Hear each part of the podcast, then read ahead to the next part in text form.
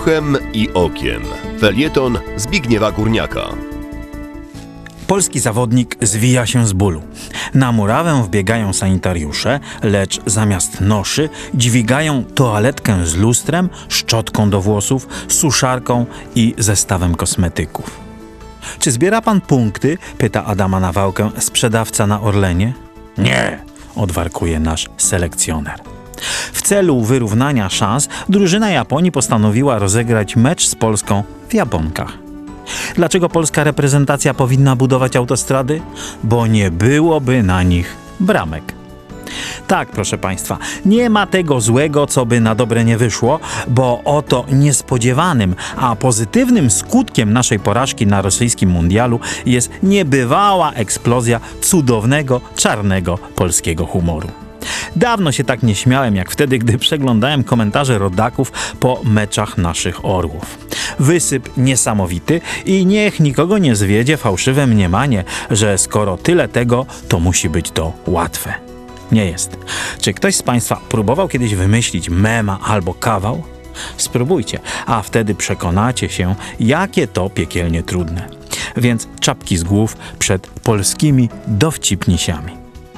Polska zagrała w składzie Head and Shoulders, Oshi, Pepsi, Gillette, Huawei, Rexona, Leroy Merlin, Berlinki, Formove, T-Mobile, Play.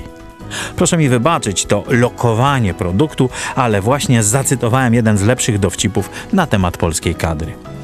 Owszem, czasem ktoś poleci paskudnym bluzgiem, inny pojedzie po bandzie, pewnie wydychając wraz z powietrzem promile, y, którymi pocieszał się po obciachu idoli, dla których wystroił się w biało-czerwoną koszulkę, szalik, cylinder, a może nawet i w husarskie skrzydła z pokolorowanej gąbki ale większość sieciowych komentatorów wykazuje jednak wyrafinowanie i spory do siebie dystans, co zadaje kłam twierdzeniom, iż jesteśmy narodem zapiekłym.